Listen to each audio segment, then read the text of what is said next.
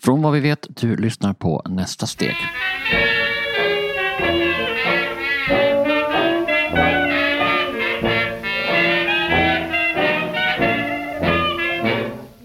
Året är 1902.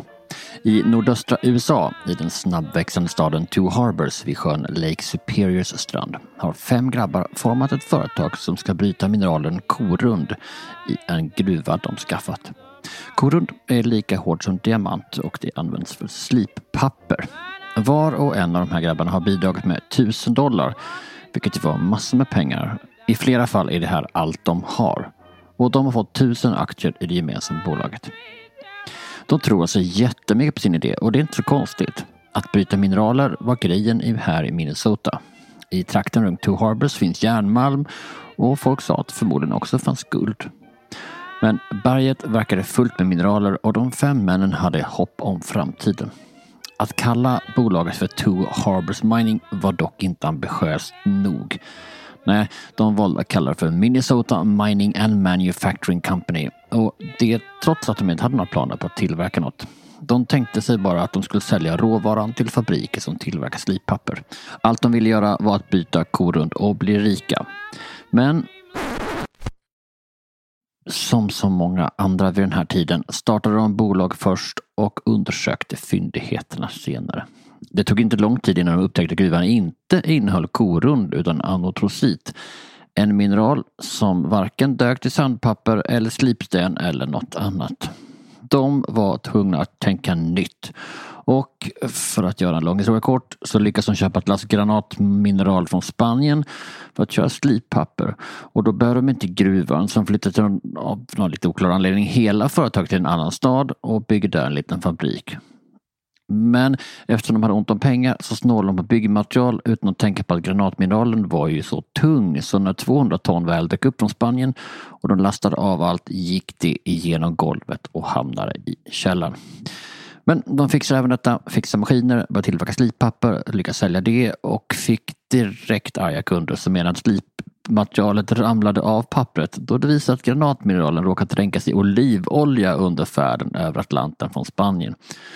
Det visar att fartyget hade också haft tunnor med olja men de hade gått sönder i en storm och blött ner alltihop och därför fäste inte granatmineralen på pappret.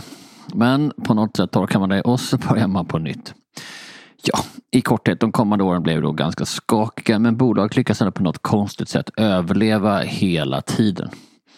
Deras specialitet blev att inte specialisera sig alls utan vara så påhittig man kunde på så många områden som möjligt, liksom för säkerhets skull.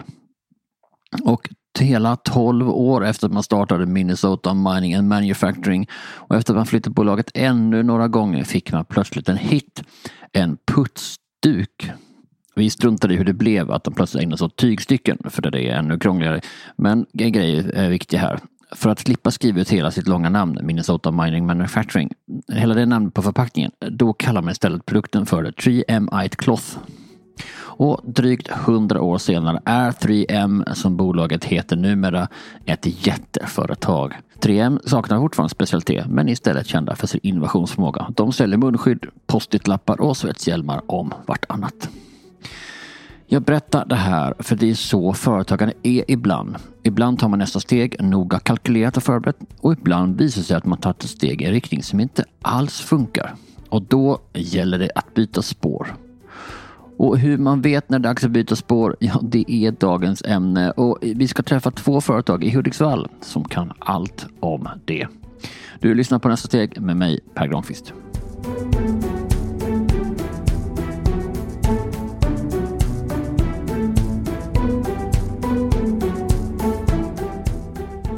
Det här är ett lite längre avsnitt men det är för att hitta rätt. Att byta spår är en lite längre väg än vad man kan tänka sig från början. Ungefär tio år efter att 3M äntligen på snudd på verksamheten befinner sig Erik Sundin på besök i Bollnäs. Han är då en bondgrabb från Arbro och av någon anledning har han tagits till Bollnäs drygt en och en halv mil söder om gården där han är uppväxt. Ja, från början, vi är ju vi är bondsläkt ifrån Arbro egentligen. Så han var ju väldigt intresserad av produktion och skidproduktion av någon konstig anledning. Lite grann. Så att de hade väl varit i under skoltiden så hade de varit ner till Bollnäs till en skidfabrik där. Och eh, då hade han blivit eld och lågor när han såg det där med lite maskiner och tillverka och tillverkning av skidorna som man såg där. Så han sökte jobb där så fort han var färdig med skolan. Men på den tiden så gick det ju inte att komma liksom som bondpojk och söka jobb för det var ju lite finare att jobba i industrin då. Det här är Per Sundin du hör. Han är försäljningschef på den nordiska marknaden för Sunfab som tillverkar avancerade hydrauliska pumpar i Hudiksvall. Du har säkert aldrig hört talas om dem men det är i så fall för att du inte jobbar med avancerade hydrauliska pumpar och därför inte vet att de pumpar som Sunfab gör räknas som de absolut bästa i världen på sitt område. Men historien om Sunfab är också historien om hur ett företag förändrar sin verksamhet. Hur man växlar in på nya spår, parallella spår och ständigt byter till de spår som har bäst glid. Och ja, allt det här är skidreferenser. För bolaget med några av de mest avancerade pumparna i världen började som något helt annat. Med att tillverka skidor. Jag fick ett tips om Per Sundin så jag ringde honom och som reporter inträffar ibland det att när man stöter på någon som är helt självgående och en helt naturlig berättare där man känner att man liksom inte vill störa med att be att lista tre punkter andra ska tänka på och så vidare. Per är en sån här person. Man trycker liksom på play och sen pågår han och det är väldigt underhållande. Så snälla lyssna inte efter ett slags konkreta råd här utan lyssna på berättelsen så kommer vi till lärdomarna sen. Tillbaka till Erik Sundin, bondpojken som inte var fin nog att jobba på skidfabriken i Bollnäs för drygt hundra år sedan. Då var det väl någonting som brann till i han. så att, då satte han igång med en eh, annan farbror som bodde där hemma på gården på sånt där undantag som det kallas för då på den tiden. Och, och han var väldigt händig den här karln också så att de fick ta på några gamla maskiner därifrån eh, skidfabriken i Bollnäs. Då lagade de upp de maskinerna Eh, och det var väl väldigt enkla grejer, men ändå. Och så satte han igång eh, egen skidproduktion hemma på Logen, där han, där han bodde. Erik uppkallar den nya verksamheten efter sig själv, men lägger till fabriker i namnet. Sannolikt för att det ska låta lite större och lite mer imponerande, precis som grundarna till 3M. Sundins fabriker blir nya namnet och det går faktiskt ganska bra. Man säljer bland annat en massa skidor till militären och allt pekar uppåt. Men så händer något otippat. Sen händer en olycka faktiskt eh, på eh, 20 Knut 1927. Eh, för att det började 1925 produktionen mm. med skidor. Men eh, 1927 på 20 Knut, det har farmor berättat för mig. Då hade han eh, satt igång, man kallar att man basade skidor, eh, skidspetsarna, när du skulle böja dem. Mm. Då hade man dem först i kokande vatten och så sen eh, satte man dem i över en, ja vad ska man säga, en varm rulle eller spore. Så att du fick, och så spände du dem där. Så de spändes fast och när de torkade då i, värmen där, då fick du böjen fram på skidorna. Just det. Mm. Eller brättet som vi säger.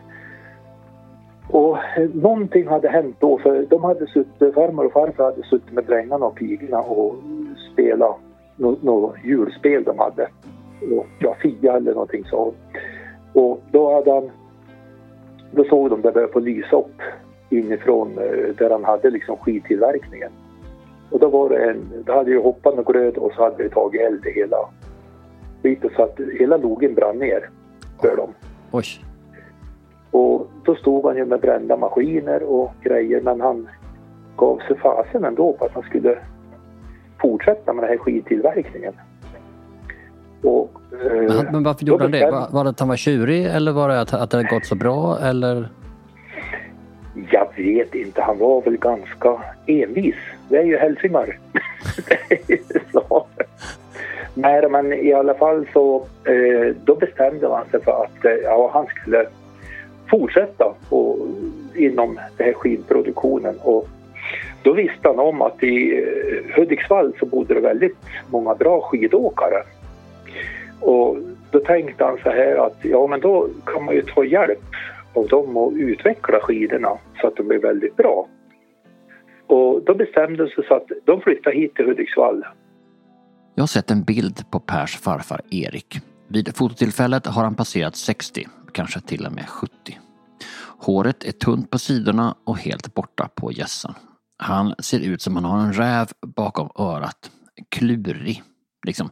Han tittar inte i kameran utan på något annat. Han ler som han just kom på en ny idé. Och hela den här historien är berättelsen om en man som ständigt får nya idéer, som aldrig är nöjd och som alltid ser om man kan förbättra grejer eller om man borde starta en ny verksamhet, ett nytt spår som kan hjälpa den verksamhet man redan har. Skitillverkningen här och det gick väldigt bra. Eh, och efterhand som det ökar produktion här också så eh, måste man ju få in eh, lite mer eh, maskiner i arbete. Och han var väldigt intresserad av det här av hydraulik faktiskt. Mm. Och vi gjorde, man gjorde egna maskiner här för skidtillverkningen och så här och då vart det lite med att det kom in mer och mer hydrauliska grejer med, om man säger cylindrar, enkel, enkel hydraulik vi säger då. Men för att kunna göra det lite mer eh, legitimt kan man väl säga så bestämde han sig tillsammans med en ifrån Enånger som hette Einar Frisk. Och han var också bompojk men han var väldigt mycket inom byggsvängen. Han, så han var vad heter det, byggmästare här i Hudiksvall. Mm.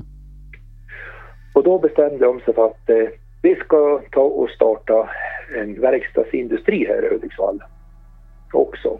Och den ska vara hydrauliskt inriktad.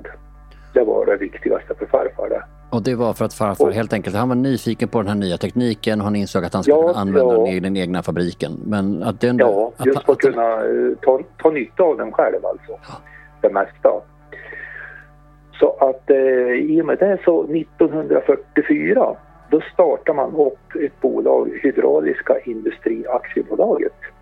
Och det blir förkortning HIAB. Ja, just det. Såklart.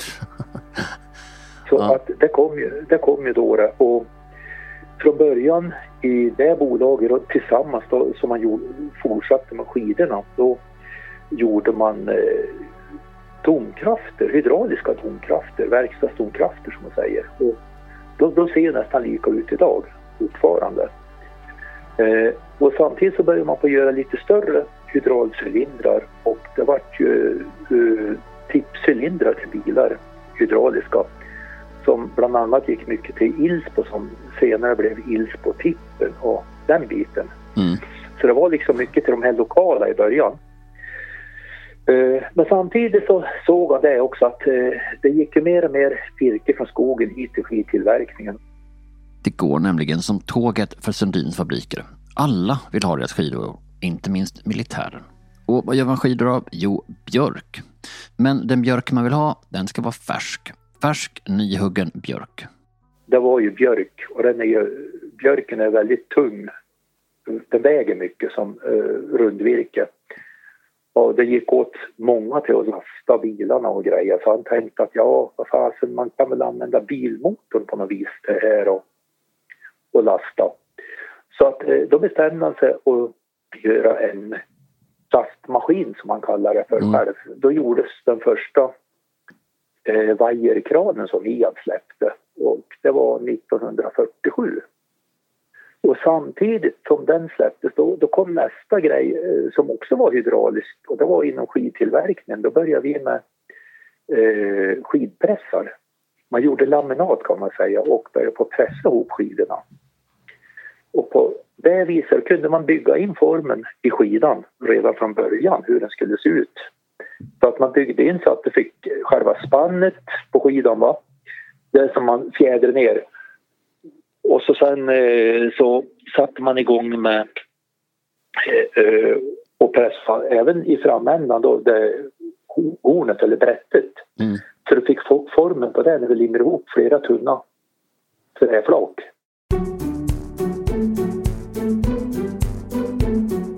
Så vid det här laget har alltså Erik Sundin grundat en skidfabrik, sett den brinna ner, flyttat den till Hudiksvall köpt mark, flyttat igen, byggt en ny fabrik på nya marken, anställt folk, startat ett hydraulikbolag för att hydraulik verkar skoj tror jag. Lanserat en kran, för fina tekniken för laminatskidor och kommer då på att man skulle kunna använda hydrauliken för att pressa skidorna och därmed slippa den här tekniken för att värma spetsarna över eld som en gång bränt upp hans första fabrik. Och han har samtidigt knappt börjat. Ju mer jag hör om Erik Sundin, ju mer gillar jag honom. Och han såg ju möjligheter överallt. Nåväl, tillbaka till fabriken och till den tunga björken och till den hydrauliska skidpressen och till en grej som Erik börjar tänka allt mer på i slutet av 1940-talet. Och samtidigt med det då var det också att eh, man ville bli av med kvist ifrån virket för det gick inte att använda kvist i virket för då, det, det vart ju det vart sprött av kvisten. Va? Just det, nej men det, kvist har man ju aldrig sett i skidor så det kan man ju förstå. Nej, så att då börjar man på då, med det, då tänkte han, ja men hur fan ska jag göra liksom om man har en kvist där, men om man kunde såga plankan på varsin sida av kvisten. Men sen om man kunde få ihop den, det måste bli någonting som håller. Och då kom man på det här att, att eh, man sätter fingrarna liksom emot varandra, det tar händerna mot varandra. Mm. Och då blir det som en fingerskarv.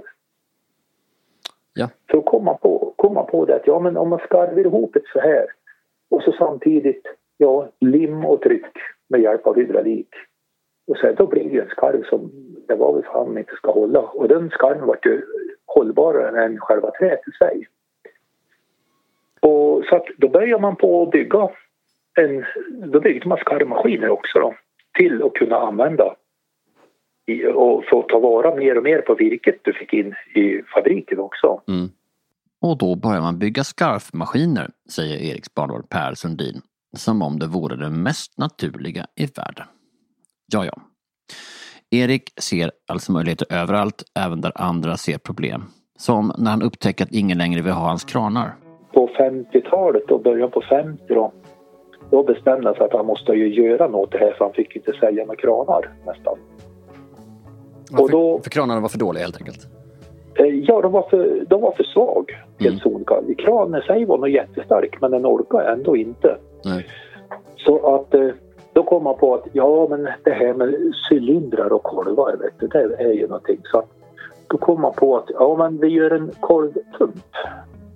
Då är det ju flera cylindrar som jobbar och det är ju kraftiga starka grejer där. Så att eh, då gjorde man alltså den första hydraulkolvpumpen. Det gjordes här 1954. Och då är, det en, då är det en pump som är liksom inne i kranen snarare än de här man ser men när man har... Eh, ja, då är den... Ja. Programmaskiner är på utsidan av dem men det här är inuti. För, för samtidigt då, då, då måste man ju... Eh, det, det hette ju Sundins fabriker då från början och så fanns ju Hiab som också ingick i Sundins fabriker. Va? Mm. Och eh, då, då måste man ju starta en ny firma just för den tillverkningen på pumparna. Och då blev det Sunfab. Såklart. Som, och eh, det är ju förkortning av Sundins fabriker egentligen. Men när, när, han kommer med ständigt nya idéer, är det inte, är inte familjen liksom trött på honom? Eller inte någon som säger att nu får du bli din läst, vi gör träskidor? Eller är det kanske just för att någon säger det som han hela tiden håller på att starta nya firmor runt omkring? Nej, jag vet inte. Han hade, det, det jag vet han sa, det var att aldrig i helvete ska finnas plats till Sundins skidor. Men eh, väldigt tidigt så fick han ge sig på det. För att vi hade, vi hade en eh, bra åkare, Sixten Järberg. Mm. Och han tog ju olympiska guld och grejer och dona och likaså med Gustafsson. Och, men i alla fall Sixten, han var väldigt tekniskt intresserad han också. Och man hade ju starkare, ett hårdare träslag i kanterna på skidorna för att de skulle hålla lite bättre och inte bli rund i kanterna på en gång. För mm. då blir det väldigt jobbigt att åka i spåren. Och, men eh, Sixten han fick farfar faktiskt att lägga in plast i de kanterna på slutet på när man höll på med de där tävlingsskidorna i alla fall. Och då la man en, en plastkant och den plastkanten den hade man egentligen hemma i huset redan för att det var en prydnadskant som man hade på eh, fjällskidorna. Och, fast då satt den på ovansidan på skidan. Men här då, limmar man in den som eh, en kant på själva undersidan på tävlingsskidorna, på löparskidorna. Och då var det skarpa kanter och då gick de som fasen i spåren av de här Six Elite-skidorna. Så att då fick han ju ge sig mot Sixten, för Sixten han var ännu envisare än vad farfar var. Ja, så nu har alltså Erik hittat på ännu en grej som blir ännu ett spår. Träskidor och nu träskidor med plast och långt senare ska det förstås bli plastskidor med trä och sen bara plastskidor. Och det kommer förresten gå åt helvete för då kommer ju alla andra ha börjat tillverka längdskidor i Asien som är billigare än Sundins fabriker kan göra. Och då kommer man vara nöjd att man har alla de här andra bolagen. Alla de här sidouppfinningarna, alla de här andra spåren som Erik Sundin startat och liksom bara farten. Alla såna här eh, grejer, sidouppfinningar som vi säger, mm. som har kommit härifrån, de har ju sålts ut dem. Så att eh, det, det hjälpte väl det till lite grann att få in pengar till övrig verksamhet också, kan man säga. Som den här fingerskarvmaskinen, den eh, vi höll ju på, de gjorde ju en sån och så kom man väl på att ja men skulle man inte kunna ha den där kanske till konstruktionsmaterial också till, alltså träkonstruktioner så han tog kontakt med en, ett sågverk här i södra Sverige och frågade om de var intresserade av en sån där maskin. Jo, men det, det var det så att ja, de smällde ihop en maskin till här då och så skickade de ner den till dem och de vart eld och. De tyckte den gick så bra och allting och eh, då bestämdes det mer också att ja, men vi skulle vilja ha en eh, så att vi kan såga virket i rätt längd, i en längd och en, kanske en paketläggare och lite sådana saker. Och det har varit en stor industri för oss också. Så att vi hade en gång per i månaden på 60 och fram till mitten på 70-talet. Då gick det fyra långtradare härifrån med en sån där fingerskarvanläggning till olika ställen runt om här i, ja dels här i Norden då, mm. som man säger, över till Finland men även in på östsidan gick det också såna här grejer. Så det var ju väldigt populärt. Så nu har Erik en fabrik av skarvmaskiner också.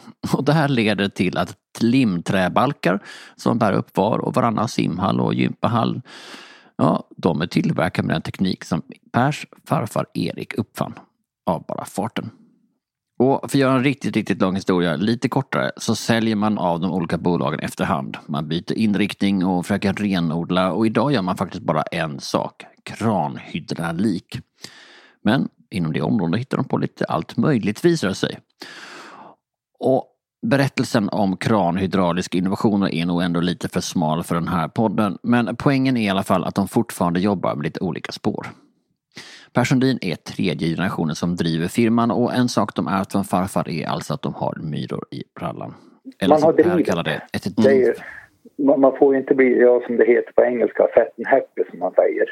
Nej, och så har man utan, sin princip och så utan, inser man att det funkar inte utan man får nog fan ha plast på, på, på, på kanten på skidorna ja. för att liksom eh, Sixten mm. Jernberg säger det, det får man respektera. ja, men och han kunde åka han. ja, exakt, exakt så. Liksom. Nej, men samtidigt är ju det att det jag tycker är det roligaste, eh, det är ju, du jobbar med naturkrafter. Egentligen. Det är ju alltså eh, hydraulik, det flödet eh, och det går ju alltid lättaste vägen och sådana saker. Och tygla det på ett bra vis och, och få det i arbete på ett vettigt sätt som gagnar allihopa. Det är ju, det är ju sådana grejer man vill få till egentligen. Mm. Och det, det blir aldrig klok på utan du lär dig ju något nytt hela tiden. Exakt. Du blir aldrig fullärd inom det där och det är ju det som är tjusningen tycker jag. Och nog är det väl klokt sagt. Att betrakta företagets utveckling som en naturkraft där det gäller att välja den lättaste vägen. Men ibland kan det ta tid att inse vilken väg det faktiskt är. Mer om det efter det här.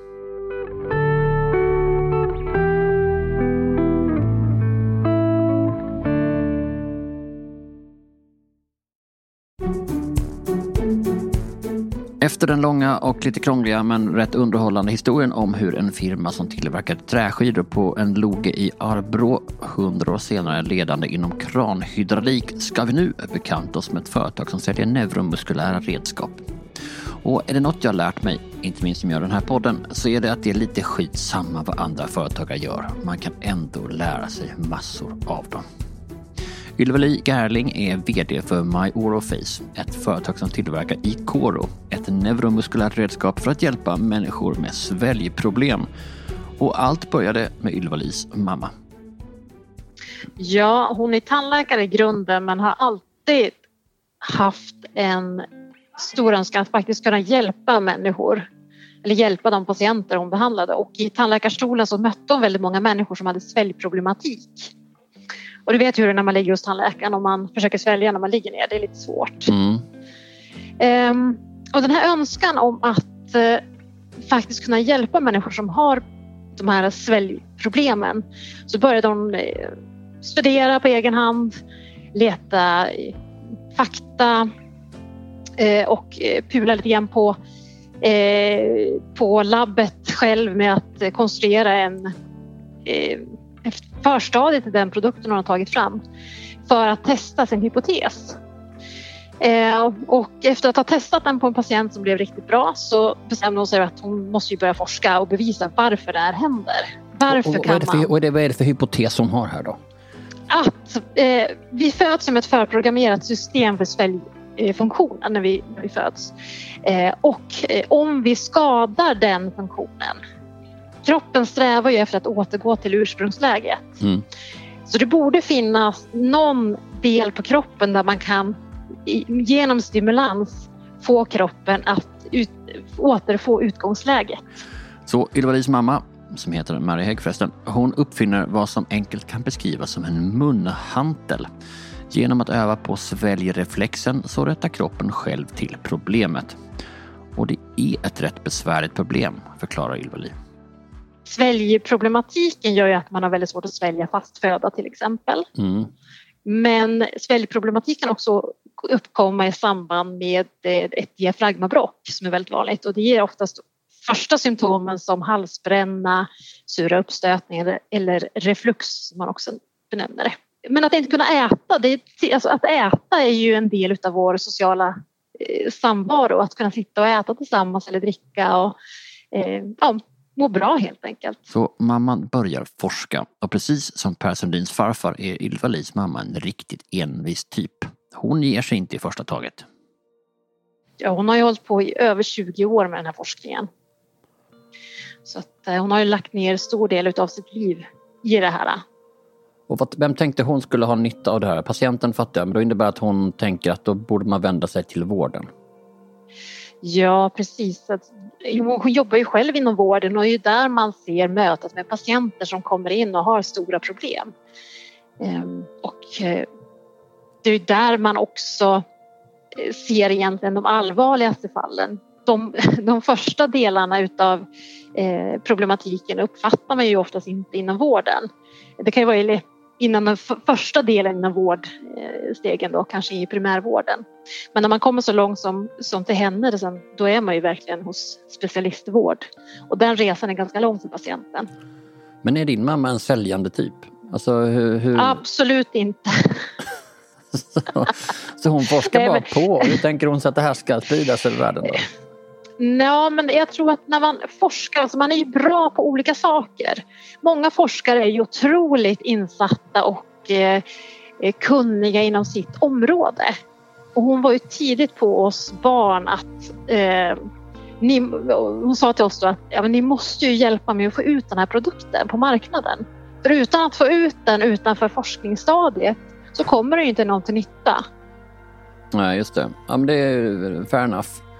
Och då mm. tänker ni att ja, visst, klart vi hjälper dig mamma. Uh, och, och vad börjar ni då? Packa säljväskan och kuska land och rik runt och knacka på sjukhus? Nej, det var ju så här först att, att börja jobba tillsammans med mamma var ju inte någon, någon dröm. Så att det tog ju faktiskt ganska många år innan vi kom så långt att uh, vi tyckte att det här var, kändes intressant. Så att det var först 2011 som jag eh, efter att ha tillbringat några år utomlands fick den här frågan igen och vi upptäckte Venture Cup tävlingen, Sveriges största affärsidétävling. Och då sa vi så här att ja, men vi, vi är med där och får vi bra feedback så kan det väl leda till någonting mer. Mm. Och det gjorde det. Vi kom bland de topp 12 affärsidéerna det året. Ja men härligt, då har ni liksom eh, kontor och säljväskor och uh, känner att ni är på riktigt. Nu ska det krängas uh, ja. munhantlar. Ja precis. Ja och uh, vi började att kontakta sjukhus, olika avdelningar. åkte runt i hela Sverige och träffade sjukhus. Fick snabbt ungefär 11 sjukhus inom 11 eller 11 regioner, sjukhus inom 11 regioner som började köpa in produkten. Eh, men sjukhusvärlden är ju som den är i Sverige. Mm. Vi har ju som 21 olika länder i och med att alla regioner hanterar sin egen upphandling och sina egna inköp. Och när de väl köper det, jag kan tänka mig att de köper inte så här, okej okay, kul, vi tar tusen stycken, utan det kanske är två och sen kommer fyra. Och det går Precis, alltså det är små volymer och vi har något som heter direktupphandling i Sverige som man nyttjar. Eh, och det gör man ju för att kunna utvärdera och testa olika produkter innan man gör större upphandlingar. Det här är ju lite konstigt, men så funkar alltså systemet. Men jag tänker att sjukvården ändå borde förstå att det här verktyget gör att de kan hjälpa patienterna då slipper man ju en massa behandlingar eftersom patienten kan göra det själv och därmed borde man känna att eh, liksom, gud vad mycket pengar vi sparar och skattepengar dessutom. Men det gör de inte. Varför? Det här är ett helt nytt sätt att behandla de här eh, symptomen eller sjukdomstillstånden på. Det man traditionellt har gjort är att arbeta med kostförändringar, sittställning, Eh, många blir förvisade till eh, förtjockningsmedel i dryck till exempel eller att eh, äta konsistensanpassad mat. Det vill säga puréer, soppor. Det här är en klassisk fälla att gå i som säljare och det har jag själv gjort vid flera tillfällen. Det finns ett problem och det har kunderna ofta löst på något sätt. Sen kan man tycka som uppfinnare eller säljare att man kan göra bättre, att de borde göra bättre. Men de har likväl löst det på något sätt. Så man måste först få dem att ändra beteende och sen uppskatta produkten. Och då ska man först få dem att vilja ändra beteenden.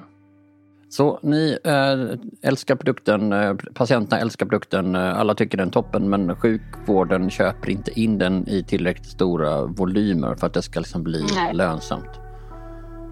Precis. Så när ger man upp då? Eh, 2016, två år efter start, säljstart utav produkten så står vi där och ser att ja, men det här det lyfter inte riktigt. Ehm, vi, vi hade ju som strategi att rikta in oss mot sjukvården för att vi naturligtvis såg att det är där de värst drabbade patienterna finns. Men i samma veva som vi startade försäljningen så öppnade vi en väldigt enkel e-handel och vi såg att inflödet av privatkunder eh, ökade konstant. Vi fick fler och fler samtal över eh, eller från privatpersoner som undrade hur det här kunde hjälpa och vilka symptom det hjälpte mot. Eh, vi behövde ge rådgivning kring produkten och eh, fick ge väldigt mycket information till privatmarknaden.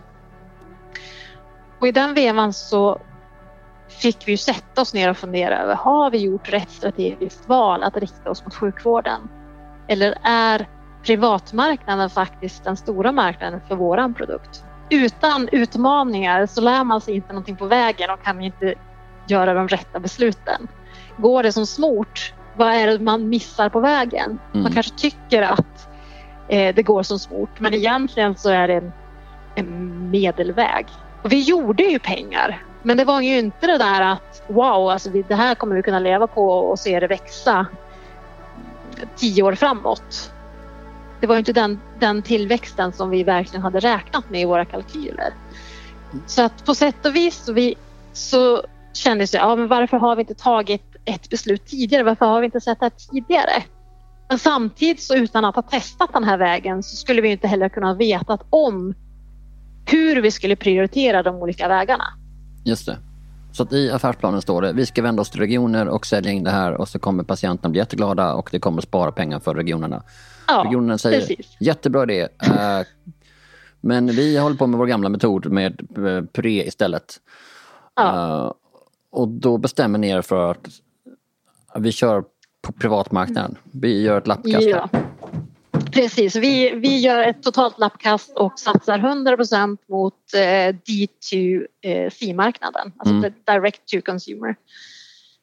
Och eh, börjat bygga ut e-handeln eh, totalt. Det enklaste kanalen att nå ut till privatmarknaden idag. Mm. Eh, vi har en liten lätt produkt som gick lätt att skicka.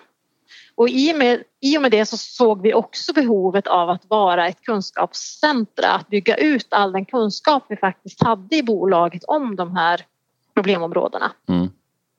Så att vår webb blev ju både en uppslagsbok eh, likväl som vår försäljningskanal. Men det är ju ett, eh, det är ett lappkast. Det är 100% rätt håll och sen är 100% åt ett annat håll. Ja, precis. Och hur känns det när man tagit det beslutet? Är det då befriande? Det var lite jobbigt just då att veta ja det här funkade inte men, men kommer det här verkligen också att funka när man gör ett sånt totalt eh, en total omvändning i strategin. Vi var ju också mitt uppe i att ha småbarn eh, och det är väl oftast den delen som är svår för kvinnliga entreprenörer. Eh, men samtidigt så var vi så fast övertygade om att det här kommer ju att lyckas på något sätt. Och testar vi inte den här vägen så vet vi ju inte heller om det här var rätt väg att gå. Hur långt det tog det skulle du säga innan ni liksom fick det där första kvittot och, och hur kändes det? Gick det liksom på några veckor eller var det några månader? Nej, det tog några månader och det var ju fruktansvärt eh, både spännande och hemskt att sitta där och veta att nu har vi tagit det här beslutet, vi har investerat pengar eh, och fundera på kommer det här att hålla? För oss som är lite otåliga naturen är just det här fruktansvärt, precis som Ylva-Li beskriver det. Man jobbar med den här nya strategin, man gör saker, man kanske kör annonser, man kanske gör olika aktiviteter och allt kostar pengar. Och man vet inte om det funkar än. Jag kommer ihåg vi stod i Nordstan i Göteborg, hyrde en utställningsplats där en dag. Eh, Och folk kom fram till oss och, och sa att vet, det stod om mig i tidningen igår. Och innan vi förstod att de hade lä- läst kundcaset som vi hade i en annons. Eh, och menat på att det, den här patienthistorien som vi hade med i tidningen i annonsen. Det var en sån total beskrivning av, av dem själva. Och då visste ni plötsligt vad ni skulle göra. Precis, och vi såg ju också tacksamheten hos dessa människor som vi mötte den här dagen. Eh, Folk stod i kö för att prata med oss. Och den upplevelsen var ju så här bara wow, vi kan verkligen hjälpa människor med det här. Och göra en förändring i deras liv. Och vad sa du då när du ringde hem till mamma och berättade detta? Men det var eh, lycka att, att hennes dröm om att få hjälpa människor faktiskt går i uppfyllelse. Eh, och det har ju fått henne rörd till tårar så många gånger att hennes slit faktiskt har gett människor faktiskt livet tillbaka.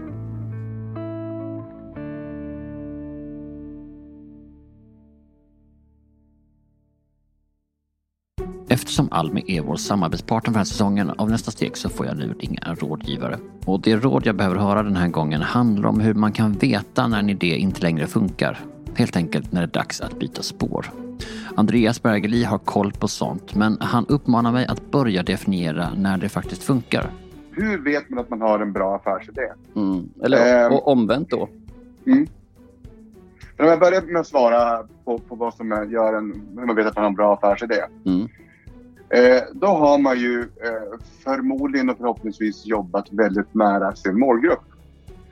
Man har identifierat vilket kundsegment man ska rikta sig i.